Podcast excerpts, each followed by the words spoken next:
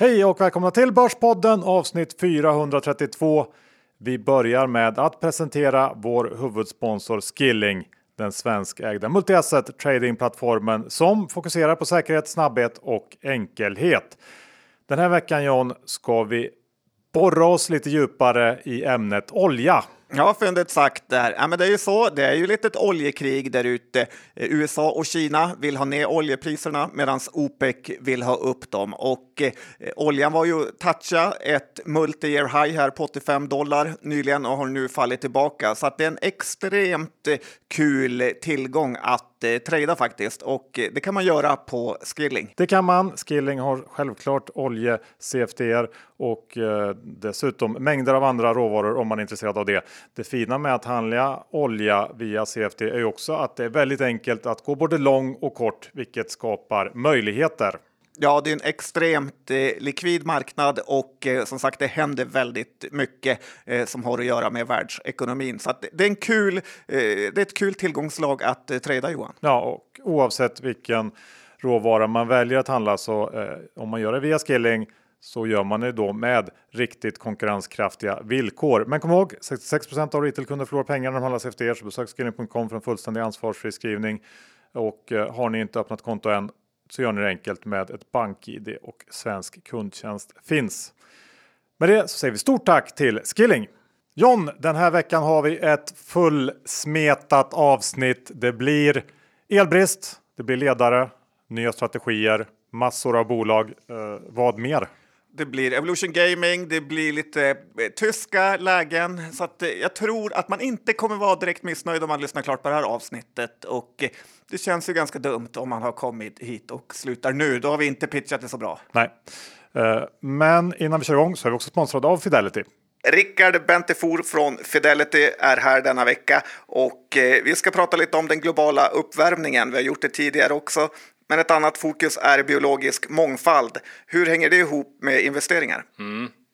Ja, det är nästan så jag undrar på det själv. Hur hänger biologisk mångfald ihop med, med investeringar? Jo, men det är ju lite att eh, ett av våra favoritteman, just de här stora klimatförändringarna då som pågår. Hur kan vi som förvaltare vara med och bidra till en bättre värld? Och, och det nya som vi har sett nu också, det var ett nytt direktiv som vi på Fidelity tillsammans med 50 andra eh, förvaltare världen över, därav även några nordiska, vi har gått med i en organisation då för att stötta och supportera den biologiska mångfalden och hur gör man det i vår bransch då? Ja, framförallt är det via obligationsmarknaden då att många emittenter, eh, alltså man ger ut obligationer med fokus just att eh, de, pengarna till det här ska gå till dedikerade projekt då inom framförallt, eh, ja, det kan vara skogsnäring till exempel här i Sverige, men tittar man lite mer globalt så är det framförallt inom regnskogen då att man ska stötta Eh, den globala då mångfalden inom olika delar av djurriket. Kanske lite svårt att kombinera just investeringar, inte så mycket aktierelaterat just nu, men jag är övertygad också om att vi, vi säkerligen kommer få se intressanta aktiecase på det här framöver. Tack Fredrik, eh, Vi ska också påminna om att investeringens värde och eventuella intäkter från dem kan både minska och öka. Det kan hända att du inte får tillbaka det investerade kapitalet och historisk avkastning är inte en tillförlitlig indikator för framtida resultat. Våra sponsorer tar inget ansvar för det som sägs i podden och åsikter uttryckta kan redan agerats på och inte längre gälla. Det är också viktigt att läsa prospekt samt KID-dokument och investeringar på tillväxtmarknader kan vara mer volatila än på andra mer utvecklade marknader. Stort tack till Fidelity International! Johan Dr. Bass Isaksson, index är i 22,54 och eh, det är lite brunt nu på börsen faktiskt. Lite brunt är det, pepparkaksbrunt. Eh, och eh, sista tidens lugn här byttes ju förra veckan ut då mot förnyad coronaoro efter det här omikrons, eh, omikronvariantens framfart. Eh, Men det mesta som kommit fram tycker jag pekar på att det här är en mildare eh, variant än tidigare varianter och eh, även om det fortfarande är ganska tidigt här och inte vet jättemycket så gissar jag att den här oron blir ganska kortlivad och eh, om något så kommer den eh, väl kanske ge mer bränsle åt börserna eh, som snart istället fokuserar på andra sidan av myntet, det vill säga stimulanser. Och jag tror snarare att man ska se det här som att det var dags för en liten rekyl eh, och eh, ser väl fortfarande ut som att det är upplagt för ett litet julenisserally in i slutet av året. Det som jag kanske eh, tycker är lite mer rimligt att oroa sig för är väl nya vansinniga lockdowns eh, som gör betydligt mycket mer skada än nytta. Eh, jag tycker att man verkligen kan ifrågasätta den typen av åtgärder, speciellt när det här viruset ser ut att mutera sig själv mot att bli en, en slags eh, helt vanlig influensa. Ja, det är något härligt när du blir eh, doktor på allvar. Jag tror det kanske gått in lite för hårt i din hjärna, men eh, jag håller med. Det känns som att eh, det behövdes en avkylning av olika anledningar och eh, det blir ju nästan bra när en sån här chock kommer för att det sänker räntor och förmodligen dämpar det lite av inflationsoron med. Så att det behöver inte bara vara dåligt, även om det såklart är kortsiktigt tråkigt att se sin aktieportfölj sjunka. Det är inte bara på börsen som det varit lite kyligt. Det har ju varit kallt eh, här i Sverige också och det medför lite ökat tryck på elnätet. Ja, så är det och att det är elbrist i Sverige har väl inte undgått någon och Eh, det trista är ju att det känns helt onödigt och nästan på den nivån att man hoppas att allt går käpprätt eh, så att de som orsakat det här får sina skamstraff. Men de som lyssnat på Börspodden länge vet ju att man alltid ska ha bundet elpris för just den här enkla ekvationen att om elpriset stiger så är det för att man behöver mer el medan om det sjunker så gör det ingenting för att då behöver du mindre el och eh, då gör det inget. Att du kanske har bundit det på ett lite högre pris. Så att det är en helt perfekt hedge faktiskt, eh, som många har tackat oss för. Eh, men en liten, liten oroande sak med det här med eh, snabbt stigande elpris är att det faktiskt eh, finns en stor chans att många mindre elbolag kommer kollapsa som låtit kunderna binda sitt elpris för lågt och inte längre är eh, solventa. Det hände i UK tidigare i år och eh, det kan lätt hända med alla de här mindre elbolagen, uppstickarna vi har och då kommer det bli en riktig härva för svenska folket. Så tänk noga vilken elleverantör du har och inte välj de som är för små. Ja, och satsa på kärnkraft. Ja, tack Johan. Mm. Doktor och eh, även eh, kärnfysiker. Du, eh, du, kan vara doktor inom båda. Vet, I gymnasiet så eh, sov jag över på Oskarshamns kärnkraft eh, på skolresa en gång. Så att, eh, du kan en hel del? Jag kan en hel del, ja. Jag har varit inne där och grejat. Känns kanske lite fel att prata det, eh, om det jag tänkte prata om nu, det vill säga normaliseringen. Men det fortsätter ju ändå oavsett vad det här omikron viruset gör. Och jag noterar i veckan att Enligt Erik Olssons bostadsindex så räknar allt fler med att lägga mindre pengar på boendet när annan konsumtion blir tillgänglig och eh, fler möjligheter då utanför hemmet öppnas upp.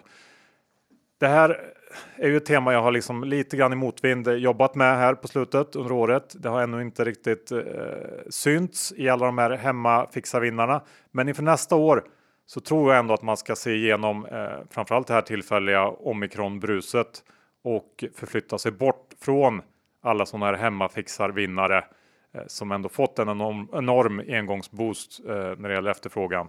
Eh, för där känns det ändå som att det kan bli stora besvikelser under 2022. Ja, du är väl lite väl lättkränkt här. Desenio har ju fullständigt kollapsat. Bygghemma har kollapsat. Vi har många bolag inom den här sektorn som har gått väldigt, väldigt dåligt. Det är väl i så fall Byggmax och AOJ du syftar på som ännu siktet... inte har dött än. Nej, men det är de jag har siktet inställt på.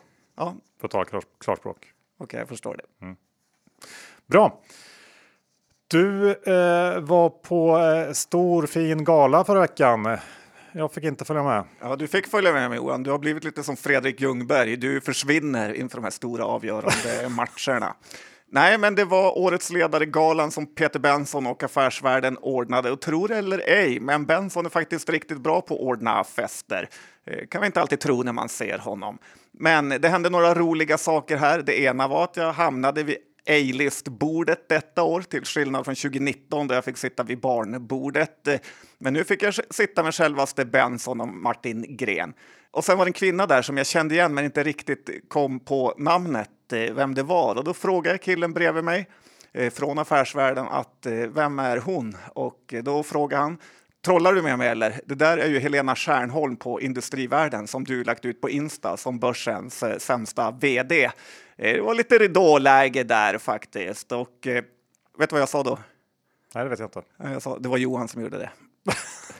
Nej, men det gick inte hem riktigt. Men sen levererade Kviberg också när jag frågade om jag fick ta en bild eh, på oss eh, tillsammans med Martin Gren och då sa han nej. Eh, och sen när jag tog en bild på mig och Martin Gren så sa kan du inte ta en bild bara på mig? Eh, så det, var, det var inte jättelite självgodhet i den här lokalen kan jag säga. Nej, men kul var det. kan jag tänka mig. Känns ganska äckligt på många sätt. Du, nu byter vi eh, ämne till någonting lite mer allvarligt. Ja, Ja, vad är det då? Nej, men med tanke på eh, den senaste tidens händelser i Evo så tänkte jag ta upp det här med att ha en väldigt koncentrerad portfölj versus en diversifierad sådan. Eh, och eh, det som hänt i Evo är väl att risker som de flesta känt till men som tidigare inte spelat någon roll helt plötsligt spelar roll. Eh, rätt eller fel, det kan man tycka eh, olika om, men nu är det som det är så att säga. Och att eh, förutse det här genom att veta mer om bolaget, att vara mer påläst eller att ha detaljkoll på hur många som sitter och spelar Crazy Times. Det var eh, omöjligt. Och det är ju lite det som är grejen med börsen. Det blir aldrig riktigt som man tror. Man missar alltid något och jag tycker att det är ett väldigt starkt argument för att i alla fall ha en rimlig diversifiering i sin portfölj. Visst, om man lyckas då med en extremt koncentrerad portfölj med en, två, kanske tre aktier så ger det också extrema resultat. Men eh, när man scrollar runt bland alla de här framgångsfenomenen på Twitter så är det lätt att luras och tro att det är enkelt. Och eh, man bortser också från att det krävs faktiskt ett hyggligt mått med tur för att lyckas med det här. Hur många småsparare med ett fåtal riktigt stora all in bets i portföljen lyckas? Jag skulle säga att det är försvinnande få. Eh, och hade jag själv kört den här strategin så hade jag nog varit glad om jag satt i kassan på ICA nu för jag har haft fruktansvärt mycket fel genom åren. Eh, sen så tror jag också att 15 eller 10 år i alla fall av exceptionellt stark börs har ju gjort sitt för att främja populariteten av den här strategin att ha en extremt koncentrerad portfölj för att eh, många fel man har gjort har lite grann räddats av centralbankerna. Och man ska ju komma ihåg att det är inte en själv som har varit smart utan det är väldigt mycket så att centralbankerna har gett dig den här avkastningen. Ja, men jag tycker att du har eh, bra poänger där. Samtidigt är det ju två olika strategier. Eh, är man mer extrem och gillar att ta högre risk eh, och för att man vill bli väldigt rik, då gäller det ju med att eh, satsa på få bets och eh, hårt. Vill man bygga en portfölj med lite mer långsiktig avkastning så ska man eh, köpa flera bolag. Det var någon som sa leta inte efter en nål i en höstack utan köp istället en del av höstacken. Ja, lite så. Och jag tror att för de allra, allra flesta så är det ändå rimligt att ha i alla fall uppemot 10 aktier kanske i sin portfölj.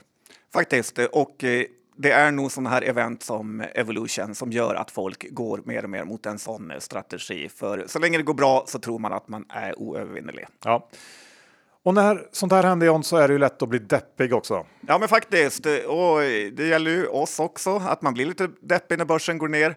Eh, men det är ju just sånt här som gör att man kan överträffa index och fondförvaltare. Man får se börsen lite grann som ett slagfält där man ibland får ge upp mark för att sedan ta tillbaka det och mer därtill. Eh, det är också den här volatiliteten som gör att man långsiktigt får överavkastning på börsen jämfört med nästan allt annat. Eh, det kallas risk och som Fredrik Crafoord brukar säga, om det inte finns någon risk så finns det inte heller någon uppsida. Och sen slutligen så är det faktiskt bra med lite sån här kollapser. För dels att det rensar ut lössen, alltså svaga händer med för hög belåning eh, och så vidare, men också att det skapar en riskmedvetenhet eh, hos eh, både sig själv och framförallt hos andra här. Men sen så skapar det också bättre ingångslägen i aktiemarknaden, vilket man inte alls ska underskatta för att få en bättre långsiktig avkastning. Nej, precis så är det. Nu går vi över till eh, gamla visdomsord från Warren Buffett, John. För Sånt... veckan kom jag att tänka på ett av hans gamla visdomsord. Ja, man älskar ju verkligen hans visdomsord. Ja, nu vet jag inte om det är riktigt så här det låter, men typ praise by name, criticize by category. Ungefär, har du hört det? Ja. ja. Och varför Låter kom... som en fotbollscoach-taktik. Eh, ja, faktiskt. Och nog inte dum taktik generellt sådär tror jag. Och varför kommer jag att tänka på det här då? Jo, men i veckan så var ju fondlegenden Henrik Didner ute och kommentera det faktum att eh, småbolagsfondens förvaltare Carl Gustafsson valt att lämna Didner och Gerge för att hoppa på eh, Gyllenhammars Protean. Man vill gärna läsa ut det lite göteborgskt. Protean. Ja, jag är inte helt nöjd med det namnet skulle jag vara. Nej, okej. Okay. Ja, ja, men eh, till DI så eh, sa i alla fall Henrik Didner följande att nu citerar jag då från den här intervjun. Så är livet. Karl har varit hos oss ett tag och han har fått slita. Han har kämpat och vi har försökt hjälpa honom. Och det är bara att hoppas att det går bra för honom. Det Ganska elakt. Ja, men jag vet inte om det bara är jag, men jag tycker att det här var ett väldigt märkligt uttalande. Var det inte det? Ja, det var eh, hårt för att vara i Sverige i alla fall. Ja, och eh, för några år sedan så kastade de ju Sverigefondens förvaltare Adam och Gustav under bussen efter några dåliga år och eh, distanserade sig själva helt från alla beslut som tagits. Och det tycker jag också då i alla fall rimmade väldigt illa med den här imagen Dino Gerge har av långsiktighet och värdebaserat tänk. Eh, och det är ju det här som de i mångt och mycket också byggt sin framgång på. Jag tycker att det hade varit lite smakfullt med eh, någon typ av självkritik från gubbarna själva här. Ja, eller vi önskar dem all lycka till i framtiden. Har du en ny strategi om? Ja, men faktiskt som jag funderat på här. Det är om man ska börja köpa fonder som är relativt eh, små pengastorleksmässigt, alltså eh, förvaltat eh, kapital kanske man säger, men som är garanter i kommande kursvinnare som ska IPOas. Eh, för så länge den här kommande IPOn inte är noterad så räknar man fondens NAV på teckningskursen. Men om man tror på en kommande dubbling första handelsdagen eh, och fonden har flera procent av sitt innehav i det här nya bolaget så kommer det garanterat att ge några procents uppgång eh, även i fonden den dagen.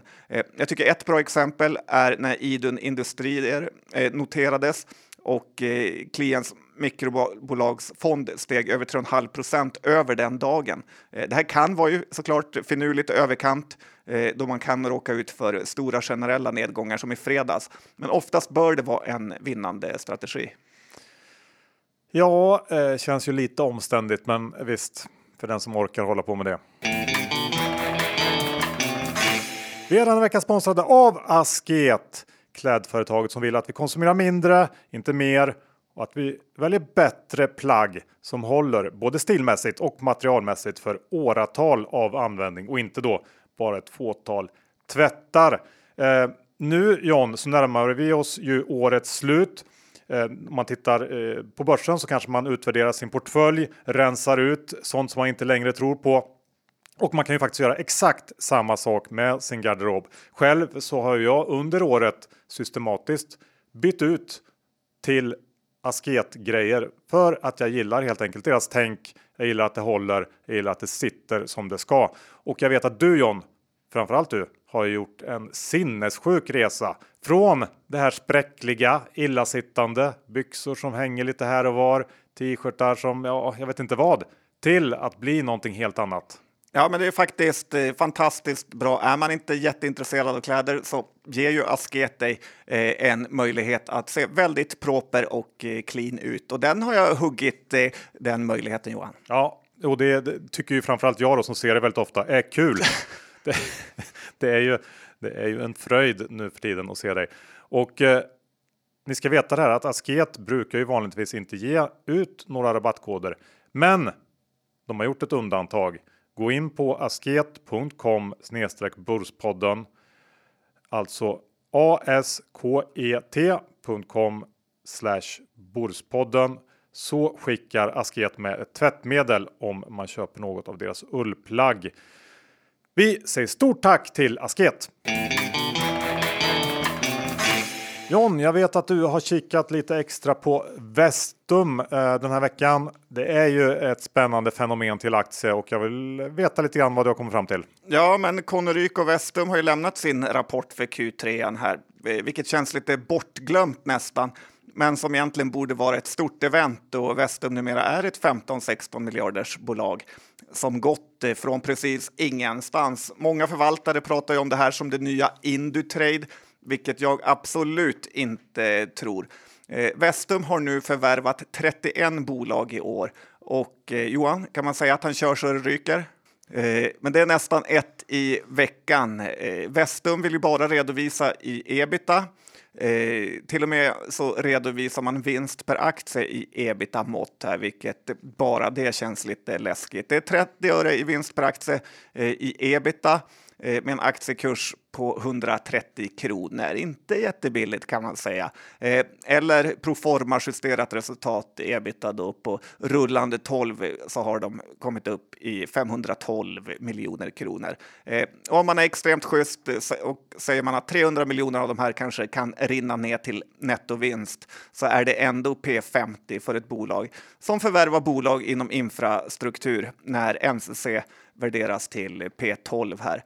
Eh, sen i kvartalsrapporten så kan man se vilka bolag som Vestum köpt och eh, ett exempel där är Mälardalens Spår och Bygg.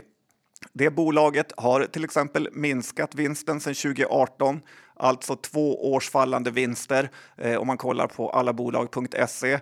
Eh, och sen när det blev eh, fallande vinster P50 på börsen. Eh, ett annat förvärv är Hyrex som i Vestums eh, kvartalsrapport eh, ska bidra med 10 miljoner i ebita, men som på alla bolag eh, gick back 17 miljoner 2020 och 3 miljoner 2019.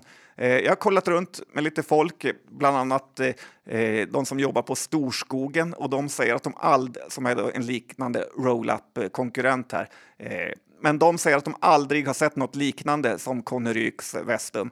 Eh, att en affär kan komma från en företagsmäklare på måndag och eh, på fredag har Conny köpt det. Eh, och sen avslutningsvis Johan, innan du får komma med något inlägg här. Ofta i rapporter så brukar det vara bilder på någon tapper figur från arbetargolvet eller en bild på ett gäng eh, som visar sammanhållningen i fikarummet. Men Westums rapport, där är det modellbilder på Conny Ryk. Eh, jag vet inte om jag har fått en hang-up på eh, det här, men har man byggt ett bolag som eh, på något år gått från princip ingenting till 16 miljarder eh, så väcker det en del intresse. En del frågor väcks, eh, svar ja, och eh, jag håller väl med dig där. Jag har ingen som helst ambition att syna hur det här går. Eh, faktiskt, utan tror ju att eh, det kommer att sluta med förskräckelse. Men det har man ju trott ganska länge och man har haft fel så här, länge, eh, så här långt. Får man säga. Ja, även i andra typer av sådana här bolag. Ja. Så det, det, kan vara att man är för eh, skeptisk. Möjligtvis. Det, när vi ändå är inne på de sådana här förvärvsmaskiner så har jag tittat på eh, Vimian Vet du vilket bolag det är? Ganska nynoterat. Ja, men det är väl någon typ inom djursjukvård ja, och eh, nästan konsultbolagaktigt. De har väl lite allt möjligt också, köper bolag. De har rapporterat. Eh, det var ingen rolig läsning. Eh, jag har ju varit inne på det här att det måste komma någon typ av setback i den här husdjurshysterin som tog fart i samband med pandemin. Och eh, det verkar i alla fall som att det går trögare nu. Eh, Vimian presterade svaga drygt 5 i organisk tillväxt under Q3. Det var ganska rejält fall från Q2ans 25 i organisk tillväxt. Och om jag ägde aktier i det här bolaget så skulle jag i alla fall vara lite orolig för värderingen eh, som inte är någonting för den som är det minsta höjdrädd. Bolaget gjorde då 4,5 miljon euro i ebit här under kvartalet och börsvärdet ligger på någonstans 25-26 miljarder. Eh, jag vet inte riktigt vilken typ av monstertrend folk tror att det här med husdjur är. Men det måste ju vara någonting hästväg för att få ihop den här kalkylen och jag är ju ohyggligt tveksam till den här värderingen får jag säga. Ja, men det är alltid intressant när det sitter ett gäng eh, gubbar oftast på ett kontor och köper ihop lite olika bolag och får den här monstervärderingen på börsen. Ja, det känns generellt tycker jag som att vi börjar närma oss året när alla sådana här förvärvsbolag går åt helvete. Eh, det måste ju komma någon förr eller senare. Ja, det ska bli väldigt kul att se, för förut var det negativt och svårt med förvärv, medan nu är det bästa som kan hända. Och som i Conneryks fall, köpa 31 bolag eh, på nästan lika många veckor. Det är imponerande. Det är eh, imponerande och lite läskigt. Ja, om man får ihop det är imponerande, annars inte. Nej, du, eh, nu vill jag höra vad du har att säga om Evo. Ja, men jag tror veckans att eh, det mesta är väl typ eh, sagt lite om eh, det här bolaget. Eh, men jag lutar ändå att det faktiskt är läge att köpa Evolution Gaming nu.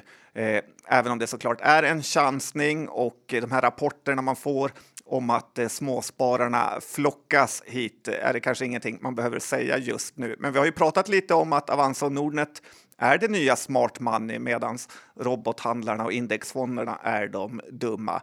Eh, men om man vill köpa bra bolag, om man nu tycker Evo är ett bra bolag, så i svackor så är det ju alltid något eh, sånt här som har hänt. Det är något att oroa sig för. Och ofta tänker man sen att det var ju bara att gå all in när man tittar på grafen någon månad senare. Man tänker hur lätt det var. Men nu när man är mitt i det, eh, och jag tycker man ska komma ihåg det här, så är det aldrig lätt för det finns ju alltid en risk att det här är ett nytt wirecard eller nytt fingerprint och därför kan man inte gå all in, lite som du sa med diversifiering. Eh, men däremot brukar det ofta vara en bra affär att när stora bolag har tappat så här stor del av sitt börsvärde att man faktiskt ska våga köpa, men absolut inget all in läge. Men jag tycker också att man får lägga bort lite av sin egna research här för att allt är redan sagt och man har fått så mycket info från det ena och det andra. Man får bara bestämma sig om man ska trycka på avtryckaren eller inte. Jag har köpt en del och eh, får vänta ut den här stormen eh, ett tag tänkte jag. Det tänkte du? Ja. ja. Vad säger du? Nej, men jag håller med. Alltså, jag, det, som du sa i början, det mesta är sagt verkligen kan man ju tycka när det gäller Evo.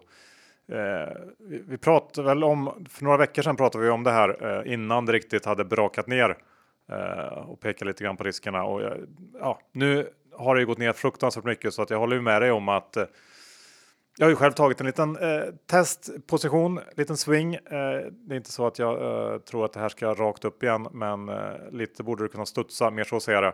Eh, sen kan, ska man ju inte underskatta hur sådana här saker kan påverka flöden och om stora ägare bestämmer sig för att eh, det här kan vi inte äga så blir det ju en jobbig period för Evo eh, och det gäller ju framförallt då för amerikanska förvaltarna som väl nu är storägare i Evo. De flesta svenska har ju redan sålt på grund av ESG skäl.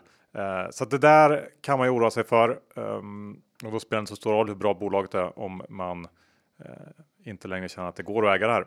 Nej, det är alltid lätt att bli negativ på botten kombinerat med att man eh, alltid ska vara ödmjuk inför att det kan bli värre. Ja. Du, ett av årets största monsterfiaskon till notering har rapporterat. Jag tänker på Fractal. Det var någon vecka sedan här, men bolagets siffror de fullständigt implodera under Q3.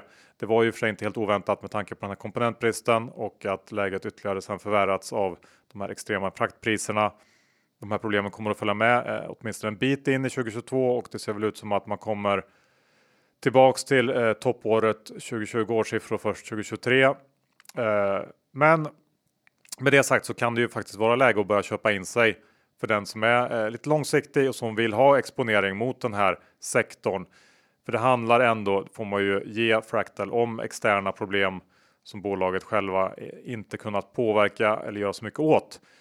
Sen tycker jag faktiskt att man kan ha eh, lite eh, anmärkningar och åsikter kring riskkapitalbolaget Litorina som satte det här bolaget på börsen eh, i helt, helt perfekt läge. Jag såg en, en ehm, um, då sålde jag också merparten av sina aktier då. Jag läste en intervju i DI igår där en av bolagets partners sa att tajmingen var rätt för oss och det är svårt att inte hålla med om.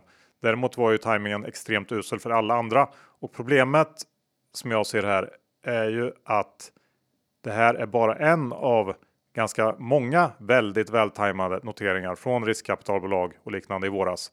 Och jag tycker att de ändå bör tänka till lite och akta sig lite för att använda börsen som någon slags soptipp och dumpa uppumpade bolag till inte ont anande småsparare på. För att eh, det är ändå så att man eh, rätt som vad det är så behövs hjälpen av småspararna på börsen. Ja, det är lite lock them up läge tycker jag. Det är otroligt fult och Fractal Gaming känns ju i grund och botten som ett eh, skräpbolag. Jag förstår inte riktigt din motivering att man ska ha exponering mot den eh, sektorn. Känns inte jätteviktigt att ha i portföljen mot eh, dataspelspojkar. Eh, det tycker du inte?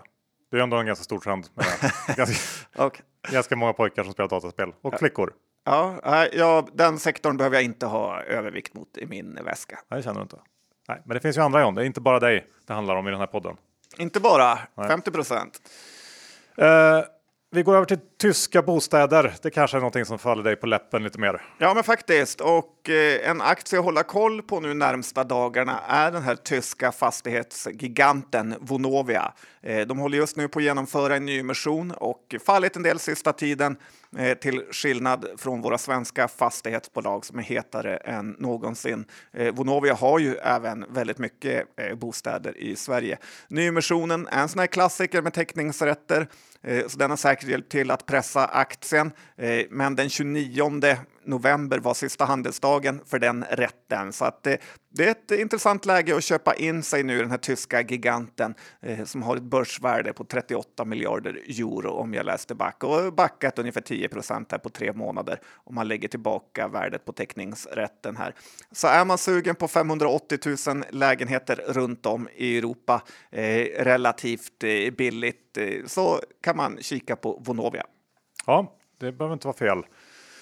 Eh, veteranpoolen har rapporterat. Kanske inte någon sån här som river eh, ner på åskådarplats. Nej, nej omikron-varianten är inte bra för små eh, pensionärer som är så sköra, så sköra. nej, det är möjligt. Den här aktien fanns ju faktiskt på min vinnarlista i årets nyårsavsnitt och vi ser ju fram emot nästa eller det här årets nyårsavsnitt. Eh, det brukar vara rätt bra grejer som kommer där. Hur som helst, det har inte gjort någon besviken. Uppgång på över 100% i år. De här nyvaxade pensionärerna gick ut och jobbade satan eh, under eh, året här och i Q3 steg omsättningen med drygt 26 eh, Ebit ökar med 16. Gott så, men i och med då årets starka utveckling så har faktiskt börsvärdet klättrat en bit över 800 miljoner. Samtidigt så kanske det här bolaget gör runt 40 miljoner ebit i år. Det finns såklart betydligt blodigare värderingar där ute, men eh, det är ändå ett pensionärskonsultbolag som vi snackar om. och Jag tycker att det här är en ganska hög värdering. Eh, vaccintraden är gjord i den här aktien så att säga. Ja, men det var en bra trade av dig. Eh, långsiktigt, om man bortser från värderingen, så gillar man ju bolaget. Tittar man på många av de här andra eh, uthyrarbolagen så säger de att det är jättebrist på personal, att det är där det är svårt att växa. Och det känner man ju ändå, veteranpoolen ligger helt rätt med tanke på åldrande befolkningen. Så finns det mycket att eh, ta av. Så att eh, ett case att hålla koll på om den skulle eh, svacka, få en svacka här i omikron-härvan. Eh, ja, men det håller jag med Lite på samma tema med demografiska medvindar har vi ju Attendo, men det syns det inte mycket av i aktiekursen.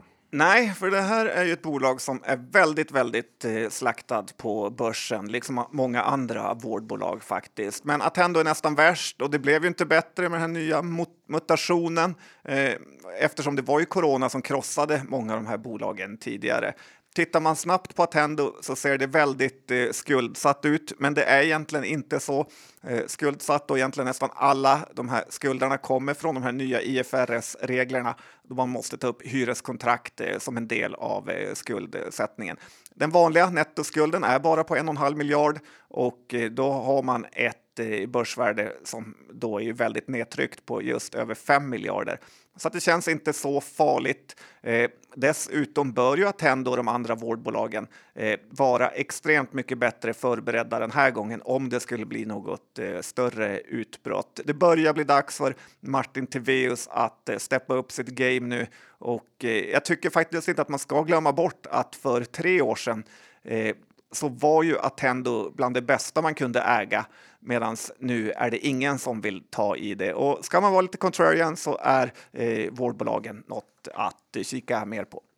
Ja, eh, i grund och botten så gillar jag ju det här, men eh, det har varit väldigt, väldigt jobbigt sista åren med eh, allt som har hänt och möjligt att det är någonting på spåren där att det här är rätt läge att vara contrarian.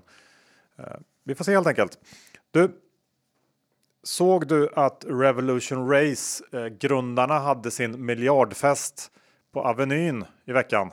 Ja, jag såg att Breakit skrev något om det. Ja, och jag antar då att den här miljardfesten syftar på att bolaget passerar en miljard i rullande omsättning här i samband med Q3. Det är kul, men jag fick ändå lite, lite storhetsvansinneskänsla när jag tittar på de här bilderna från festen. Eh, och jag har funderat en del på det här bolaget på slutet. Eh, jag, vet inte, jag har svårt att inte oroa mig för eh, att den här friluftsnischen som Revolution Race var snabba med att hitta, att den snart blir betydligt mer konkurrensutsatt. Kollar man på kläderna så är det ju typ byxor i jordiga färger med lite såna här förstärkningslappar på knäna och rumpan. Det känns väldigt enkelt att kopiera. Lite läskigt när du säger rumpan Johan. Skulle jag sagt då?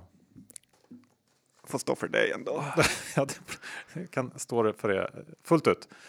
Uh, och sen så undrar jag också hur mycket sådana här kläder man egentligen kan köpa. De är ju då uh, uppenbarligen slitstarka med de här lapparna uh, på rumpan. Ja, jag gillar det. Ja. Den har du testat mycket eller? Det, nej, nej, jag har inga. Och en stjärtlapp.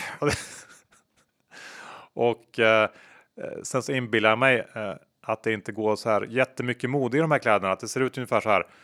Så att jag börjar bli rädd att det finns ganska mycket pandemiboost även i den här försäljningen.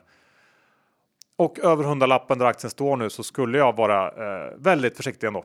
Ja, men jag håller helt med. Det känns som att de har varit eh, vinnare på många trender. Det är hundtrenden, det är utelivstrenden och eh, allmän vara hemma, köpa myskläder-trend.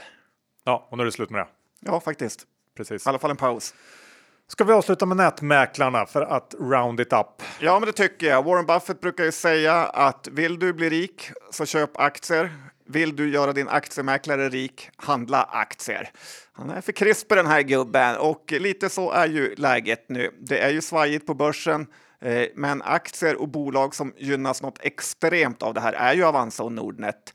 Att eh, småspararfavoriten Evo är Europas mest handlade aktie eh, många dagar. Tror du det är bra eller dåligt för Avanza eller Nordnet? Det tror jag är bra. Eh, bra gissat, det är ganska bra. Eh, sen har vi bitcoins minikrasch och återhämtning. Vi har Onko eh, och även Fingerprint som har börjat vakna till med en extrem mängd aktieägare. Eh, fingerprint var faktiskt näst mest omsatta bolaget på midcap häromdagen efter Onko just. Så att det, det sprutar in courtagekronor till nätmäklarna nu. Och nätmäklarna är ju en liten drömposition att eh, ju mer börsen stiger desto högre blir fondprovisionerna och det blir högre courtage när affärerna blir större och eh, det generella intresset ger mer inflöden. Eh, sen har man ju också fördelen av de här nedgångarna då omsättningen ofta blir extremt hög under perioder eh, då precis alla ska trada. Så eh, man kan nog se fram emot väldigt, väldigt bra Q4-rapporter för både Avanza och Nordnet. Och blir det någon stor generell oro eh, så kan det vara ett ganska bra läge att öka. Ja, det var ju som en gammal mäklarräv sa till mig som jag jobbar med att min uppgift är att förvandla kundens portfölj till mina kortagekronor. Snällt sagt. Slut på avsnitt 432. Vi säger stort, stort tack till vår huvudsponsor Skilling. Nu är det läge att öppna konto om man inte redan har gjort det. Snart är det julen. Det kan hända mycket konstiga saker i mellandagarna. Då gäller det att vara alert och på tårna för lägen kommer att uppenbara sig. Ja, det var väl helt tokig jul, bitcoin-jul förra året. Ja, det är alltid någonting som tokar till sig under julen och ja, då passar det väldigt bra med ett konto. Men kom ihåg, 6 av retailkunder förlorar pengarna hållas efter er som besöker skilling.com för en fullständig ansvarsbeskrivning. John, innehav den här veckan? Ja, jag har Evolution Gaming och eh, Attendo faktiskt. Så att eh, inte i ett vinnarstreak just nu kan man säga. Nej, jag har ju också då passat på att eh, fynda lite Evolution här i rekylen. Men de kan ryka snabbt kan jag säga, så det lämnar inga som helst garantier för innehavsperioden när det gäller Evolution utan eh, börjar jag känna mig lite rädd så säljer jag. Ja, det förstår jag. Mm. Och rädd ska man vara. Det ska man. Bra, tack för att ni lyssnade även den här veckan. Vi hörs om exakt en vecka igen. Hej då! Det gör vi.